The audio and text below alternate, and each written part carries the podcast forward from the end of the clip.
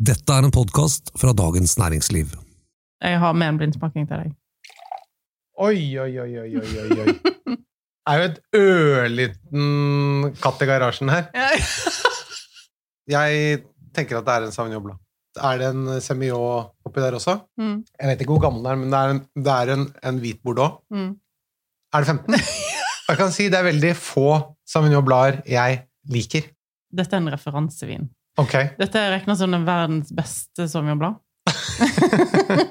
Chateau Aubriot. Blanc.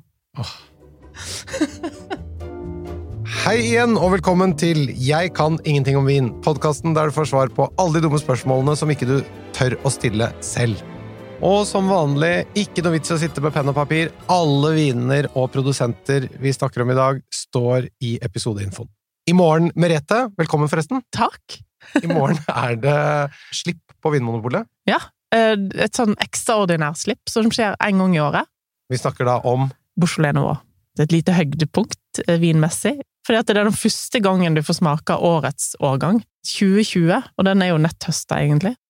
Men la oss starte med de enkle faktaene. da. Beaujolais ligger i Burgund.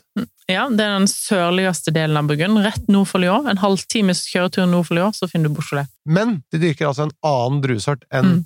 de hovedsakelig gjør i resten av Burgund. På uh, Rødvinssiden. Ja. Den heter Gamay, og den kommer nok opprinnelig fra landsbyen Gamay, som ligger rett ved siden av Sant, Saint-Aubert i Burgund. Og før så var det også vanlig, litt vanligere med Gamay i Burgund, men i dag så er det kun Beaujolais som og, dyrker Gamay. mens resten av Burgund så er det pinot noir det går. Mm. Og på hvitvin så har de jo òg chardonnay begge plasser, da. Men det er jo lite hvitvin i Beaujolais. Og klimaet der er sånn Det er jo en kjølig del av vinens verden, enn så lenge. Men det er varmere der enn for eksempel i champagne. Ja, ja, ja. Mye varmere der enn i Champagne, men det er jo selvfølgelig kaldere enn i Languedoc. Ever catch yourself eating the same flavorless dinner three days in a row? Dreaming of something better? Well, HelloFresh is your guilt-free dream come true, baby. It's me, Kiki Palmer. Let's wake up those taste buds with hot, juicy pecan-crusted chicken or garlic butter shrimp scampi. Mm. Hello Fresh. Stop dreaming of all the delicious possibilities and dig in at HelloFresh.com. Let's get this dinner party started.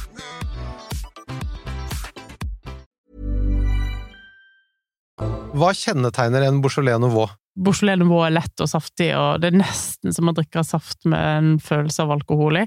Det er druer som da er høstet eh, I august-september. nettopp. Putta i en uh, tank, uh, der de gjennomgår en gjæring som heter macerasjon carbonique, der uh, vekten av disse druene som ligger på toppen, gjør at de nederste druene sprikker, eh, og begynner å gjære av gjæren på drueskallet, eller og ofte av og til, i de mest kommersielle tilfellene, tilsatt gjær.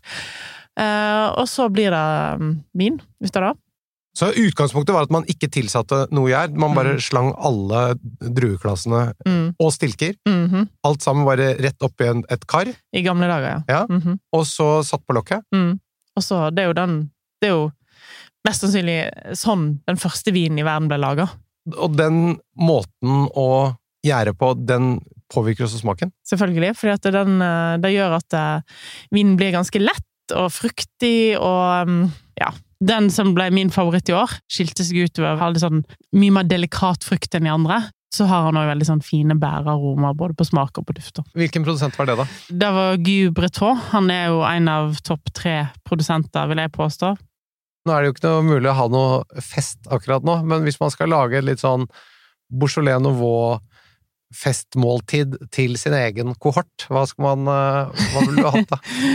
Hvis jeg hadde hatt ei flaske med Guy Breton sin Beaujolais Noir, så tror jeg jeg hadde putta en kylling i ovnen lenge. Heilsteik, altså ikke lenge, men lenge nok. Altså heilsteika den over lav temperatur for en stund, og så eh, gjerne hatt litt sopp til, for jeg syns det er en veldig god kombinasjon til gamai. Eh, og eh, ja, gode grønnsaker og urter og kanskje litt så feit saus. Kanskje litt flaut i sausen. Ja, det hørtes godt ut. Ja. Ok, så en Beaujolais Nouveau, det er en lett, fruktig, lettdrikkelig, leskende, men har ikke den tanninstrukturen og fylden som en vanlig Beaujolais har. Eh, En Beaujolais Nouveau skal ikke lagres. Det, det går ikke. Nei. Ingen. Nei. Eh, vi må snakke litt om vanlig Beaujolais også, som er en litt annen stil. Mm. En hovedforskjell på Beaujolais Nouveau og Beaujolais er tanninstrukturen. Ja. Så en, en, en eh, rikere og mer strukturert, som du sier, når den har mer tanniner Mm. og mer syre, eh, er, er beskrivelsen. Ja, definitivt. Det er ti landsbyer i Beaujolais som er blitt ganske kjent. Morgot er kanskje den mest kjente. Og alle disse har litt forskjellige uttrykk, og de smaker litt forskjellig. Den som er mest kjent, er Morgå, som har en sånn kraftig, liksom plommeaktig preg på sin gamei.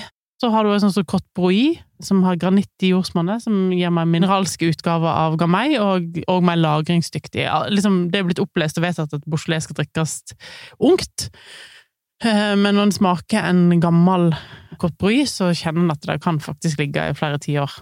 Altså, Beaujolais har jo hatt en stor revolusjon. Eh, På 80- og 90-tallet så tenkte alle kun på Beaujolais Nouveau, og Beaujolais Nouveau var det eneste folk snakket om. Og så var det ett år til neste gang du fikk smake Beaujolais, og i mellomtiden der så var det ikke så mye Beaujolais.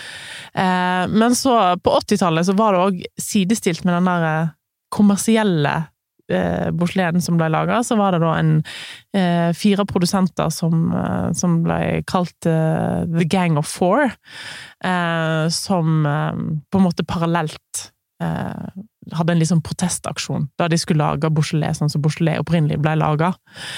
Og disse produsentene er jo nå gamle menn, men de driver fortsatt på, eller sønnene eller døtrene har overtatt. Og dette er jo de som i dag er kanskje de beste produsentene i Beaujolais. Okay, hvem er det? Metrass er jo en av de, og den, han fins jo ikke å få tilgjengelig, bortsett fra hvis du har Uh, hvis du reiser til Beaujolais, så kan du finne den på restaurant. Uh, nå vet jeg at uh, importøren i Norge kan bekrefte at det kommer litt mer i år enn hva det gjorde i fjor. I fjor ble det kun solgt til noen restauranter. Eh, men dette er jo en sånn Når jeg smakte dette første gang, så tenkte jeg ok, dette her er en ny dimensjon av Gamay, det er en ny dimensjon av Beaujolais. Det Han lager en Beaujolais som ingen andre er i nærheten av. Ok, hva er forskjellen? Han har kun fem hektar med villmark. Eh, eh, Beaujolaisen er ekstremt floral, minner mer om pinot enn Gamay, egentlig. Eh, eh, I aromaene, ja, i eller i i aromaene. Og så er han eh, Han er jo litt sånn naturlig, da. Så det er vel eh, null filtrering og, og sånne ting. Så du får en litt mer sånn kjøttfull frukt enn hva du er vant med i en Beaujolais, da. Ikke så saftpreget, da, for å si det nei, ikke så saft. For mye mer karakter i hans Beaujolais. Så for meg så er han uten tvil det beste. Han Mer holder- konsentrasjon, Ja. og mer tanniner? tannin òg. Nei, ikke så mye. Tanninene er utrolig raffinerte og lange og flotte, altså. Så Men altså, så Det er tanniner der, men Ja. de er bare veldig finkornet. Ja, ja. Men du kan kjenne dem hvis du Nettopp. Og så flere Hvem var de andre? Og så er det en annen produsent som alltid er tilgjengelig, som er en av mine desiderte favoritter, eh, Tivin. Eh, jeg besøkte han for noen år siden, og det var et helt fantastisk besøk. Eh, Tivin har en vinkjeller fra 1300-tallet. Altså, da snakker vi svartedauden, liksom. Eh, og eh, å besøke dem er som å gå inn i en sånn Jane Austen-novelle. Du har vel lest masse Jane Austen? Overhodet ikke. Er sånn her, du går inn i sånn her herskapshus. Du så det bare ble helt blankt i ja. mitt. Sånn okay. herskapshus fra eh, Nå er vi i Frankrike, da, ikke i England, men, men eh, her har ikke det skjedd en dritt siden 1800-tallet. Nå er vi Altså, over i den uh, 'Jeg kan ingenting om bøker'-podkasten, Ja. men det er en annen en. Men, og der han da, for å vise at eh, han holder til i eh, en del av Beaujolais som heter Cote og der er det mye granitt i Osmane. og de uh, gamaiene som vokser der, eller vinene som blir laga der, eh, er mer holdbare, så han da drog fram 70-talls Beaujolais fra kjelleren, som smakte helt fantastisk, som, som er et eksempel på at eh, Beaujolais kan lagre. Men er det da Er det mer tanniner for eksempel i hans film? Ja, han har mer fylde og tanniner, og han er en av de produsentene jeg personlig kjøper en del av, og putter i kjelleren, og tenker at eh, dette skal jeg spare litt på. Men, eh, men eh, tanninene er også en del av grunnen til at de kan lagre litt, eller? Mm, mm. Og så syns jeg at det- frukten Altså, for meg, hver gang jeg smaker hans viner, så tenker jeg at dette er bare så utrolig mye bedre enn veldig mye annet som blir laget i Beaujolais. Stort sett det meste, egentlig. Og Så- nummer tre?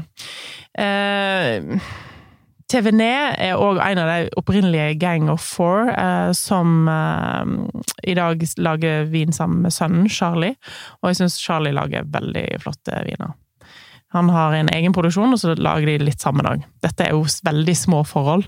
Eh, og hans eh, Beaujolais ga jeg nettopp 90 poeng. Charlie sin. Og han holder til i kanskje den mest berømte landsbyen i Bouchelet, som heter Morgaux. Uh, som de fleste andre holder til i. De beste holder til i. Og stilen der?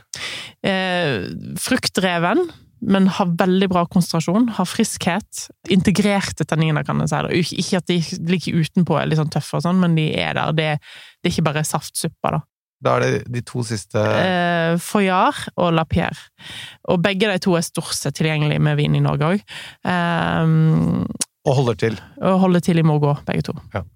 Eh, og Foyard har eh, veldig flotte eh, single vineyards, kan du si. Altså eh, egne vinmarker på etiketten. Så Cotte Py, for eksempel. Ganske strukturert eh, gå, som tåler litt lagring. Det er det som da omtales som crew-viner. Mm. Og så Lapierre òg har Og de, Lapierre lager alltid en av de òg beste eh, Nouveau-ene hvert eneste år.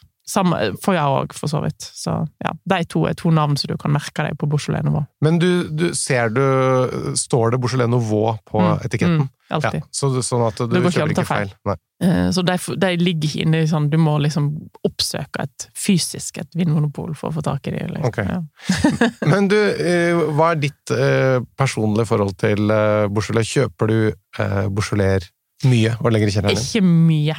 Når en skal putte ting i sin egen kjeller, så er det alltid et valg som blir gjort i forhold til plass og penger og, og sånne ting. Og da bruker jeg vel heller mer av plassen min på pinot enn gamay. Men uh, en jeg kjøper, det er til vin. Der kjøper jeg faktisk litt av. Helst i litt større flasker. Og hvor lenge lar du det ligge?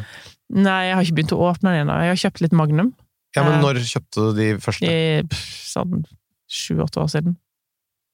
Ok, Og de ligger ennå? Ja. Så du tenker at eh, 10 år, eller 15 Ja, ja. år, eller Nei, 20 år? ti år. Ti? Konge. Ti, ti til 15. 10 til 15, ja. Ja. Ok, jeg trodde det var mer sånn 5 og sånn. Ja. på hans så er ikke noe stressa på det. På de andre så hadde jeg kanskje åpna litt før, ja. Men, eh, men eh, ja. Så, men jeg kan ikke si at jeg har mye Beaujolais i kjelleren, altså. Men hva drikker du de til, da? Nei, jeg syns det er veldig godt til eh, for eksempel konfitert andelår, for eksempel. Oh, ja. Det er jo en god tirsdagsmiddag. ja, det er ja, men det er jo Altså, i Norge så koster disse er da. Ja, men hermetikkboksene med konfitert andelår er jo egentlig noe av det sånn Hvis du ikke har tenkt middag, du har en sånn hjemme, så er det jo en no-brainer å åpne en sånn. Problemet i Norge koster det ganske mye. I Frankrike koster det ingenting. Men det er mye å dra med seg masse hermetikk fra Frankrike, kanskje. Men ja. Det var en digresjon. ofte på restauranter og sånn, særlig hvor de lager litt sånn mat med litt eh, eh, Gjerne litt sånn crossover-ting og sånn, så er det jo litt eh, Ofte de bruker Beaujolais. Har, har det blitt litt sånn hipstervin, kanskje? Mm. Tipper at det blir servert ganske mye mer eh, Beaujolais generelt på, på Grünerløkka enn eh, resten av Norge, egentlig. Men tror du det har noe med maten som de lager å gjøre? Selvfølgelig, og så har det noe med at det, er blitt litt sånn kult igjen. Ja, men hvorfor blir det kult, tror du? Nei, jeg tenker at det, er liksom, det er blitt en sånn trend at de rette sommelierene, de rette eh, vinfolkene snakker om Beaujolais, eh, og det er blitt en sånn eh, eh, motkultur til Burgund, da, som har blitt litt eh, porscht, eller det, de fleste har ikke, tar ikke så råd til de gode burgunderne lenger. Og da, har, da er det mange som sier sånn ja, men Beaujolais, de beste Beaujolais er jo mye bedre, eller like bra, og koster mye mindre. Men du, dette er jo da en, en del av Burgund, men allikevel en egen drue og et helt eget område. Men hva vil du si liksom er hovedforskjellen på stilen på, de, på vanlige burgundere og på Beaujolais, da? Burgund er mer sånn intrikat, det, det er ikke så lett å forstå, men når du har en fantastisk burgund i glasset, så, så, så, blir, så er det en ekstremt sånn sanselig opplevelse. Du kan sitte der i timevis, og alt er helt fantastisk. Beaujolais er mer straight forward, rett på sak. Eh, Det er godt. Det gjør jobben. Det gjør jobben, men, eh, men har ikke samme dybden, da, eh, i seg som en god eh, burgund. Har du noen forslag under 200 kroner, da? Ja, altså de, Utrolig nok så ligger de fleste mellom 200 og 300. Eh, Så med en gang du beveger deg lett over 200, så er det mye større utvalg. Men eh, Jean-Paul Brun, en produsent i Sør-Beaujolais, han er veldig flink, eh, lager veldig god vin, og han har en eh, Leroncey, Beaujolais Leroncey fra 2019, som koster 180 kroner. Så det er et veldig godt kjøp. Men så har du òg Chateau Cambon, eh, som òg er en veldig flink produsent. Eh, Enken etter Lapierre, som, som driver sitt eget slott, og hun, den koster Deres Beaujolais koster 210. Ok, det er greit. Beaujolais er definitivt noe altså value for money. Det er lett å drikke. Det er nesten umulig å mislike, da, for å si det sånn. Og alle anmeldelsene av årets Beaujolais-nivå, de ligger i nyhetsbrevet. Mm -hmm. Også... så det må du lese der. For da har jeg smakt alt jeg kan smake av årets Beaujolais Nouveau 2020. Og det er jo det som er så kult, at du får et innblikk i hvordan 2020 blir som årgang. For selv om Beaujolais er eh, en, et distrikt, på en måte, men så er det jo tross alt del av Burgund, så du får en følelse av hvordan 2020 kommer til å bli. en slags eh, Hva skal vi si eh, Forvarsel om, ja. eh, om, Mm. om hele Burgund, vil du si? Mm, ja. ja, ja, definitivt. Oi, oi, oi. Ok, det var det vi hadde for i dag. Nå skal jeg hjem og lage fugl.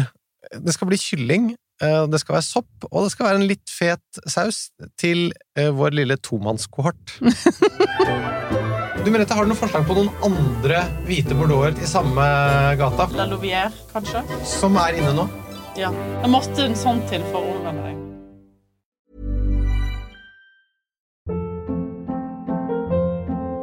Hold up. What was that? Boring. No flavor. That was as bad as those leftovers you ate all week. Kiki Palmer here, and it's time to say hello to something fresh and guilt-free. Hello Fresh. Jazz up dinner with pecan-crusted chicken or garlic butter shrimp scampi. Now that's music to my mouth. Hello Fresh. Let's get this dinner party started. Discover all the delicious possibilities at hellofresh.com. Hey, it's Paige DeSorbo from Giggly Squad. High quality fashion without the price tag. Say hello to Quince. I'm snagging high-end essentials like cozy cashmere sweaters, sleek leather jackets, fine jewelry, and so much more. With Quince being 50 to 80% less than similar brands. And they partner with factories that prioritize safe, ethical, and responsible manufacturing. I love that. Luxury quality within reach. Go to quince.com slash style to get free shipping and 365 day returns on your next order. Quince.com slash style.